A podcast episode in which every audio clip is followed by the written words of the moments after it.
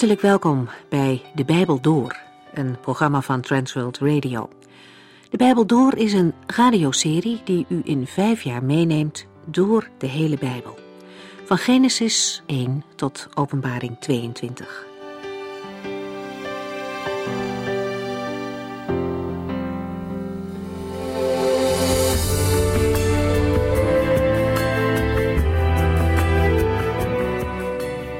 Grootste deel van de vorige uitzending ging over Jesaja hoofdstuk 27.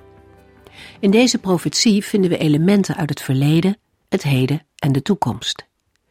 Het gedeelte past het best in de tijd van koning Hiskia. Het tienstammenrijk is al in ballingschap en Juda dreigt datzelfde lot te ondergaan. Hoofdstuk 27 opent met een beschrijving van de bloei van Israël en van Gods bescherming. In het tweede deel zien we dat Israël wel is gestraft, maar dat God daarmee een hoger doel heeft, namelijk verzoening tussen hemzelf en zijn volk. Israël wordt opnieuw vergeleken met een wijngaard. De Heere vertelt dat hij zelf voor hen zal zorgen.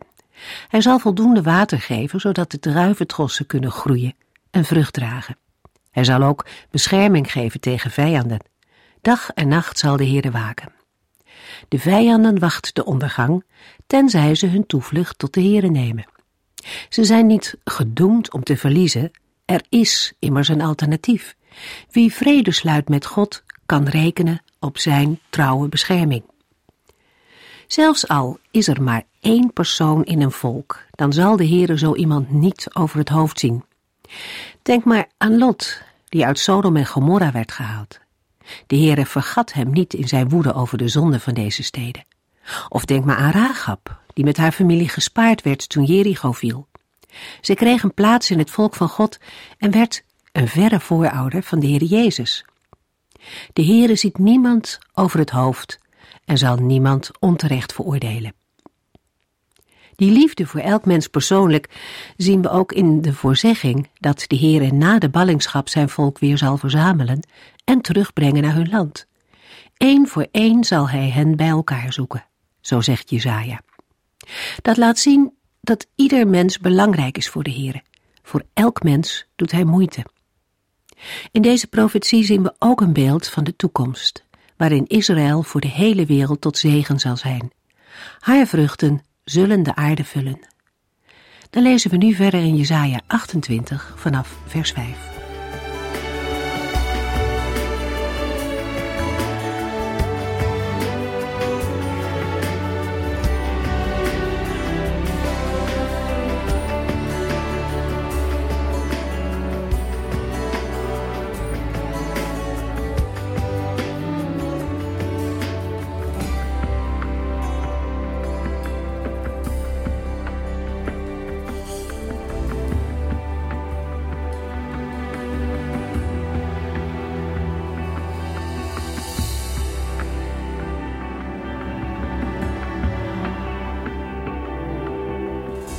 In de vorige uitzending zagen we al dat we met Jesaja 28 bij het vijfde subdeel van het eerste hoofddeel van het Bijbelboek Jesaja zijn aangekomen.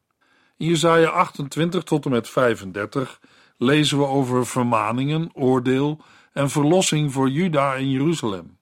Jesaja geeft aan dat het dwaas is te vertrouwen op andere volken in plaats van op de Here.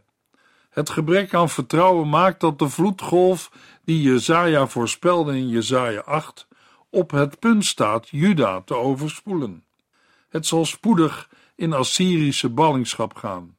Die gebeurtenis moet voor Juda een waarschuwing zijn en een vooruitblik op wat er met hen zal gebeuren als zij niet op de Here vertrouwen. Jesaja 28 vers 1 Wee de stad Samaria omringd door haar vruchtbare vallei. Samaria, de trots en vreugde van de dronkaards van Israël. Wee haar schoonheid, de gekroonde glorie van dronkaards. Het is een bloem die verwelkt. Op confronterende wijze schetst Jezaja de goddeloze houding van de godsdienstige leiders van Juda. Hij begint met een schets van de toestand in het buurland Ephraim in Jesaja 28 vers 1 tot en met 6. Om daarna aan te geven dat de situatie in Juda niet beter is. De dronkenschap van Samaria is in Jeruzalem en bij zijn leiders minstens zo sterk aanwezig. Van correctie willen deze leiders niet weten. En daarom klinkt ook voor hen het oordeel in Jesaja 28, vers 7 tot en met 22. De openingswoorden van Jesaja 28 zijn voor het publiek van Jesaja nog niet zo schokkend. Een oordeel over het noordelijk rijk Ephraim, een van de leidende stammen van het tienstammenrijk, was immers geen bedreiging voor de inwoners van Juda. De stadsmuur van Samaria was de kroon en trots van de stad. De stad Samaria is gesticht door Omri. De heuvel waarop Samaria is gebouwd ligt ongeveer 100 meter hoger dan het direct omringende gebied. De relatief steile hellingen bieden een natuurlijke bescherming. De stad heeft verschillende belegeringen doorstaan zonder ingenomen te worden. En zelfs tegen de machtige Assyriërs hield de stad drie jaar stand. De inwoners vertrouwden op de verdedigingswerken van de hoofdstad. In vers 1 vergelijkt Jezaja Samaria met een bloemenkrans die op een feest als kroon werd gedragen. Maar het einde van het feest is in zicht. De feestgangers zijn dronken en de krans van bloemen is verwelkt en afgezakt.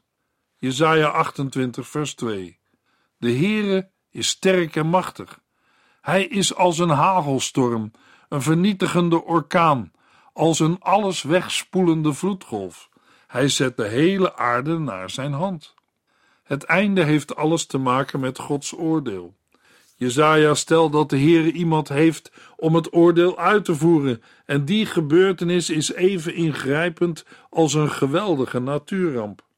De genoemde gevolgen van natuurverschijnselen wijzen op een volkomen verwoesting.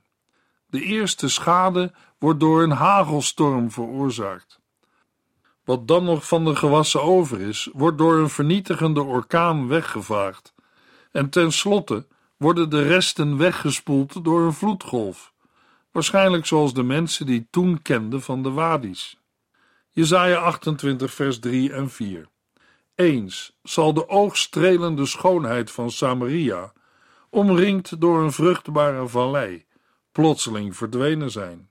Zij zal gretig worden weggeplukt, zoals een vroege vijg wordt weggeplukt en gretig opgegeten. Met deze woorden wordt aangegeven dat de verwoesting van de stad volledig is. Ze wordt letterlijk en figuurlijk door de vijanden onder de voet gelopen. Naast het beeld van een totale en krachtige verwoesting wordt een tweede vergelijking gemaakt. Het zal met deze bloem, die al verwelkt is, gaan zoals gebeurt met een vijg die te vroeg rijp is. Daarbij zal zijn gedachte aan de eerste vijgen, die al rijp waren voordat het echt tijd was voor de oogst. Een voorbijganger merkt de vijg op en heeft hem in een mum van tijd geplukt en opgegeten. Het idee achter deze voorstelling is het gemak en de snelheid waarmee de stad wordt verwoest. Achter de verwoesting schuilt de hand van de Heere. Jesaja 28 vers 5 Uiteindelijk zal de Heere van de hemelse legers zelf hun gekroonde glorie zijn, de prachtige diadeem voor wie er van zijn volk zijn overgebleven. Het was impliciet al wel helder, maar nu wordt het expliciet. De trots moet niet gebaseerd zijn op een sterke, mooie stad, maar op de Heere van de hemelse legers.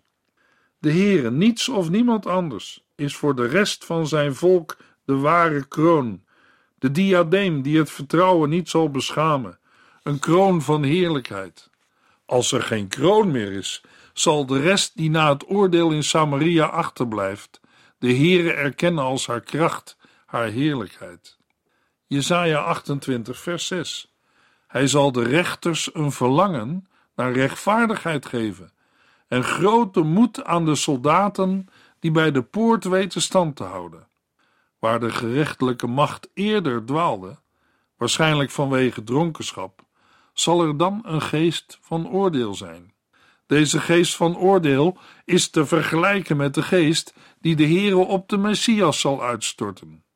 In Jesaja 28 wordt de Heere zelf deze geest van oordeel, die de rechters van Israël het recht laat verdedigen en verspreiden.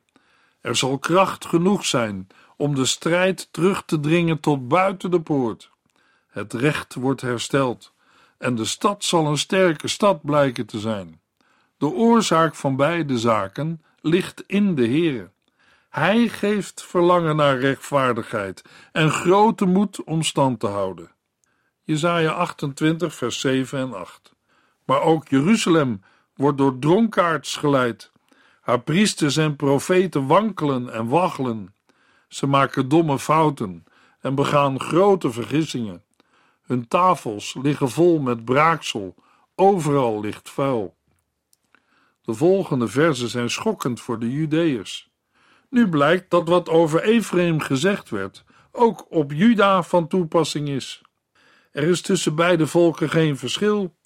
Jezaja schrijft erover alsof hij het tafereel voor zijn ogen ziet gebeuren. Zelfs in Jeruzalem zijn de leiders van het volk los van God. Nota bene zij die namens de Here zouden moeten optreden. Ze doen hun werk nog wel, maar niet omdat ze geïnspireerd zijn door de Here. Ze zijn vol van wijn en kunnen zich maar met moeite overeind houden. Zo disqualificeren ze zichzelf voor de verantwoordelijke taken die ze toch blijven uitvoeren. Het Oude Testament spreekt ook op andere plaatsen in de Bijbel negatief over dronkaards. Dronkenschap is in het Oude Oosten niet alleen bij het volk Israël iets negatiefs. Ook in de Egyptische wijsheidsliteratuur wordt gewaarschuwd voor dronkenschap, met het daarbij komende gebrek aan controle en de sociale verwerping die dronkenschap met zich meebracht. De twee onderdelen van de taak van de priesters en profeten die worden genoemd zijn een visioen of gezicht hebben en beslissingen nemen. De profeten vormen als het ware de ogen van het volk. Zij zien wat de Heere aan het volk wil laten zien. Maar de ogen van de profeten zijn door de drank vertroebeld.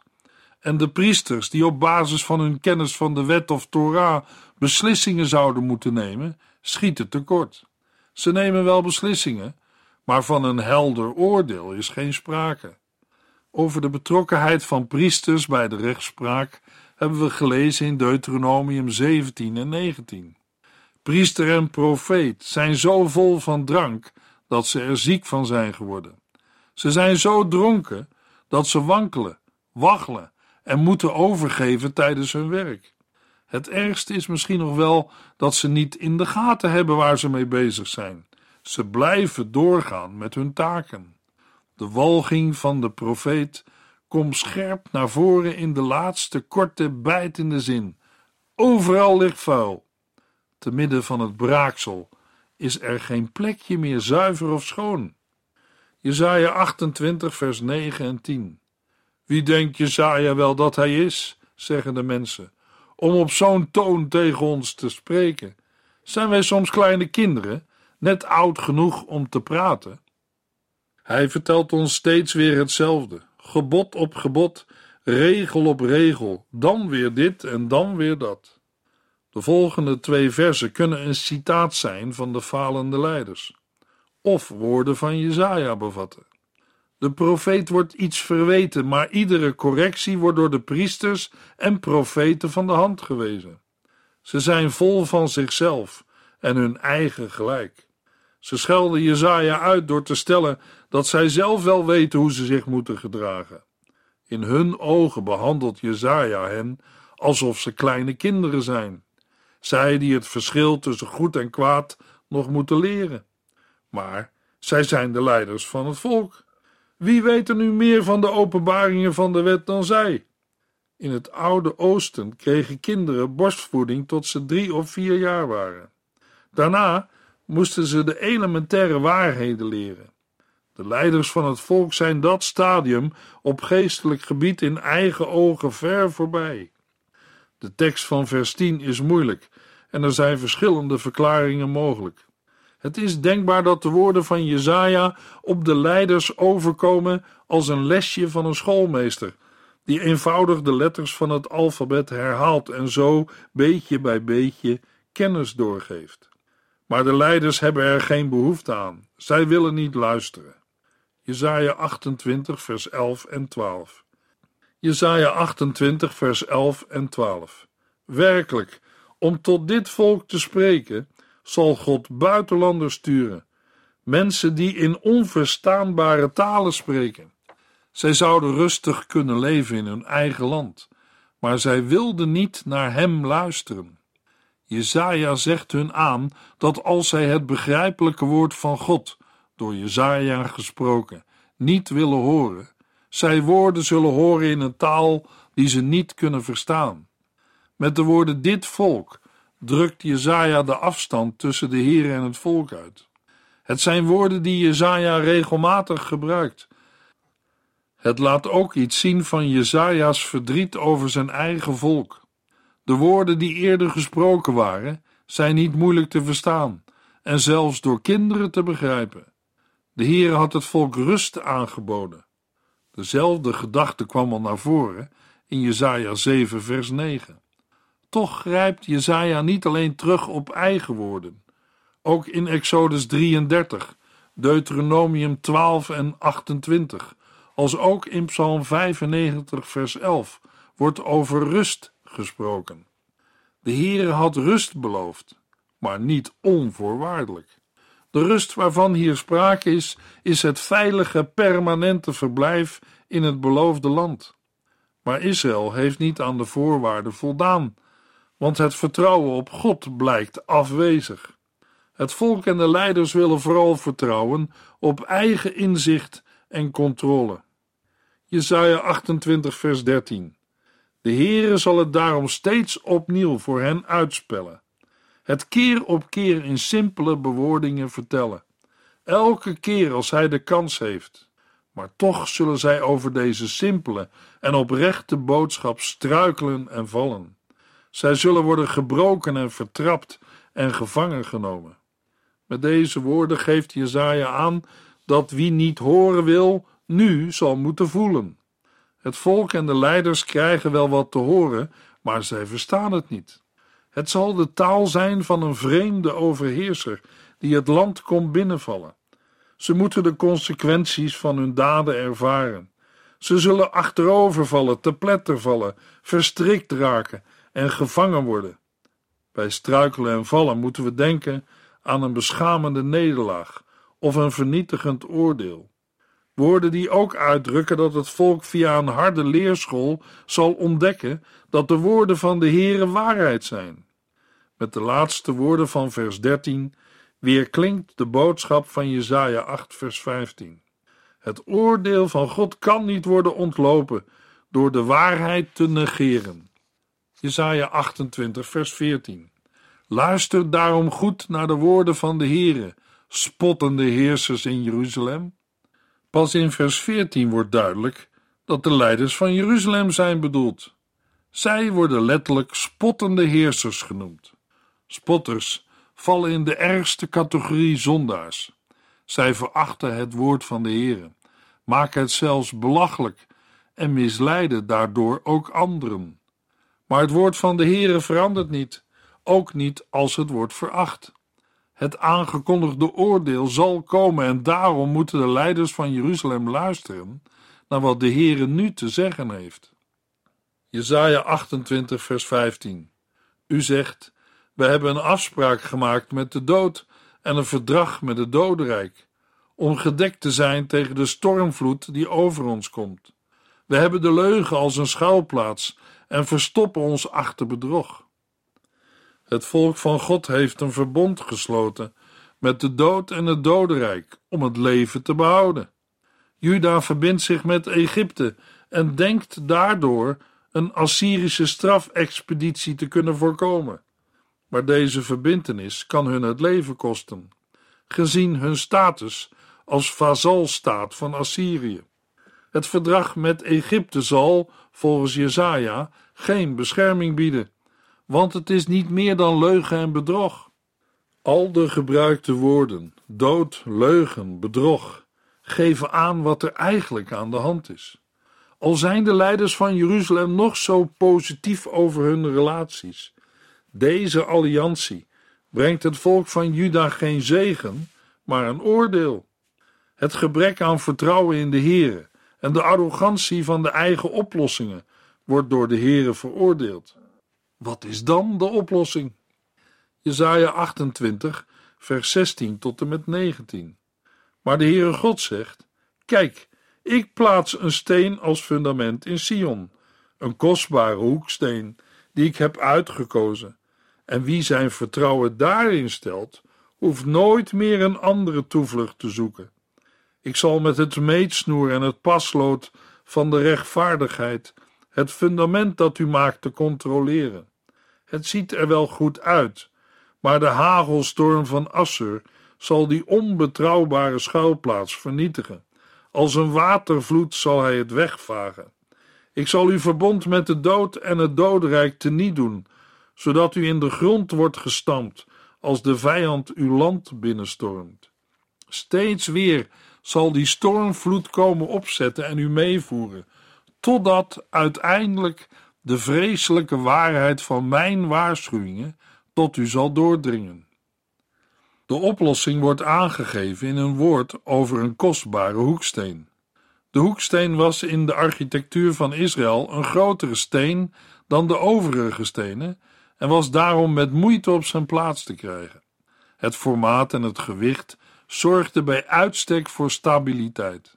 De steen diende om twee aangrenzende muren te verbinden.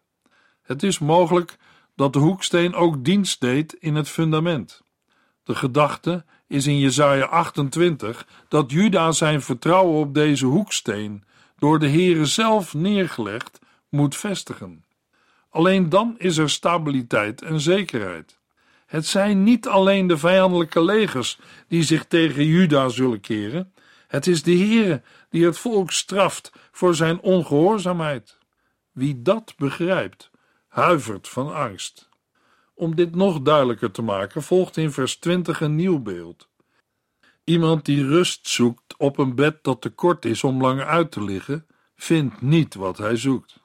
Hij die zich tegen de kou van de nacht wil beschermen, terwijl zijn deken te smal is, wordt niet warm. Zo hebben de leiders van Juda wel geprobeerd veiligheid te zoeken, maar hebben die niet gevonden.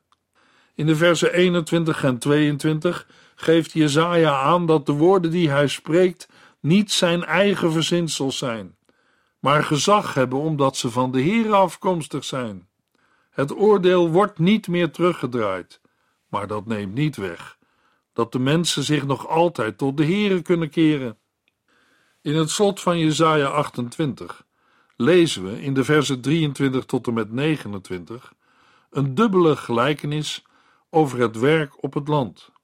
Het oordeel dat Jesaja uitspreekt wordt plotseling onderbroken door rustige woorden met pastorale wijsheid. Het onderwijs van Jesaja begint met een retorische vraag en het antwoord is voor iedereen duidelijk. Nee, een boer is niet altijd aan het ploegen. Het omwoelen en eggen van het land is geen doel in zichzelf. Het doel daarvan is zaaien. De verschillende gewassen worden ook op verschillende manieren gezaaid. Hoe weet een boer dat? Jesaja 28, vers 26. Hij weet precies wat hij moet doen, want God heeft het hem laten zien en begrijpen. Het werk op de akker is gevarieerd. Ook een profeet doet niet altijd hetzelfde. Ook hij laat zich onderwijzen door de Here. De verschillende manieren van werken zijn door de Here van de hemelse legers ingegeven. Jesaja 28 vers 29 Zo zal ook de Here van de hemelse legers in zijn wijsheid niet eindeloos, zonder maat straffen. De Heere reageert op het gedrag van de leiders van het volk en hij laat zien waar werkelijke zekerheid en rust zijn te vinden. Hij bestraft trots, eigenwijsheid en spot.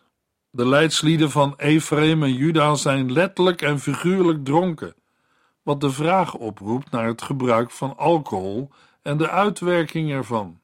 Het gedrag van de leiders blijkt dwaasheid te zijn, terwijl ze dachten wijs te zijn. Deze fundamentele tegenstelling komt steeds weer terug in de Bijbel. Paulus beschrijft dat God de wijsheid van deze wereld in dwaasheid heeft veranderd en dat Christus Gods wijsheid en kracht is. Daarom is het van belang naar Gods inzettingen en aanwijzingen te luisteren, net als naar de wetmatigheden die gelden in het bewerken van het land. De Heer is wonderbaar van raad en groot van beleid. Jesaja 29 vers 1 Wee Jeruzalem, de stad van David. Jaar na jaar brengt u uw vele offers, maar ik zal een zwaar gericht over u laten gaan. U zult huilen en veel verdriet hebben. Wanneer de gelijkenis in Jesaja 28, vers 23 tot en met 29 nog maar net is uitgesproken, herhaalt Jesaja het wee. De geadresseerde is dit keer Jeruzalem, de stad van David. In de Hebreeuwse tekst staat voor Jeruzalem Ariel. Daarmee wijst de profeet op het hart van het altaar, waar altijd vuur brandde. Het vuur was symbool van Gods aanwezigheid. Daar komt bij dat Jeruzalem de stad van David was. Hij belegerde ooit de stad om haar op de Jebusieten te veroveren. Beide elementen maakten dat het volk van Jeruzalem trots geworden was en dacht onaantastbaar te zijn. Maar deze trotse houding is onterecht. Op sarcastische wijze roept Jezaja op in vers 1 om de kringloop van de feesten jaar in jaar uit te blijven volhouden, alsof het vieren op zich het volk enige zegen zal brengen. Het is met name in de herfst dat de feesten elkaar in een hoog tempo opvolgen. Nieuwjaar, grote verzoendag en het Loofhuttenfeest. Gods goedheid wordt gezocht, maar die wordt niet alleen door het vieren van feesten gevonden. Het volk denkt van wel, maar zal bedrogen uitkomen. In Jesaja 29 vers 2 tot en met 8 lezen we dat het oordeel zal komen, maar de vijanden die het oordeel komen uitvoeren, worden verjaagd met het gemak waarmee de wind fijn stof of kaf wegblaast. Zelfs als het oordeel komt, is er bij de Here nog verlossing mogelijk. Luisteraar, zijn verlossing is er vandaag nog steeds. Vraag de Here erom. In de volgende uitzending lezen we verder in Jesaja 29.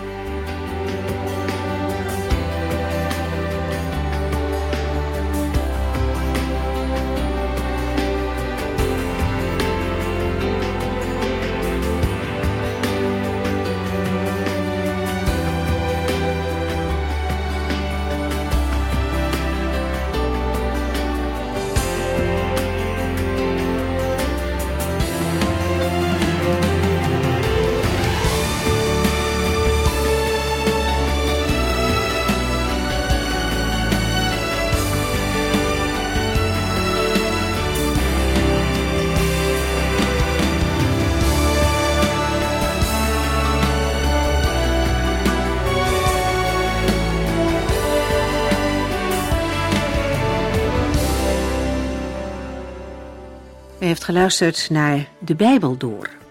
In het Nederlands vertaald en bewerkt door Transworld Radio. Een programma waarin we in vijf jaar tijd de hele Bijbel doorgaan. Als u wilt reageren op deze uitzending of u heeft vragen, dan kunt u contact met ons opnemen. Tijdens kantooruren kunt u bellen op 0342 47 8432. 0342 47 8432. 32. Ook kunt u een e-mail sturen naar de Bijbel door transworldradio.nl en natuurlijk kunt u ook via de post ons bereiken. TWR, postbus 371, postcode 3770, AJ in Barneveld. Dit programma werd gepresenteerd door Cor Weda en Ike André. Techniek was in handen van Odin van Woerdekom. En wij allemaal bedanken u voor het luisteren. Graag tot de volgende keer.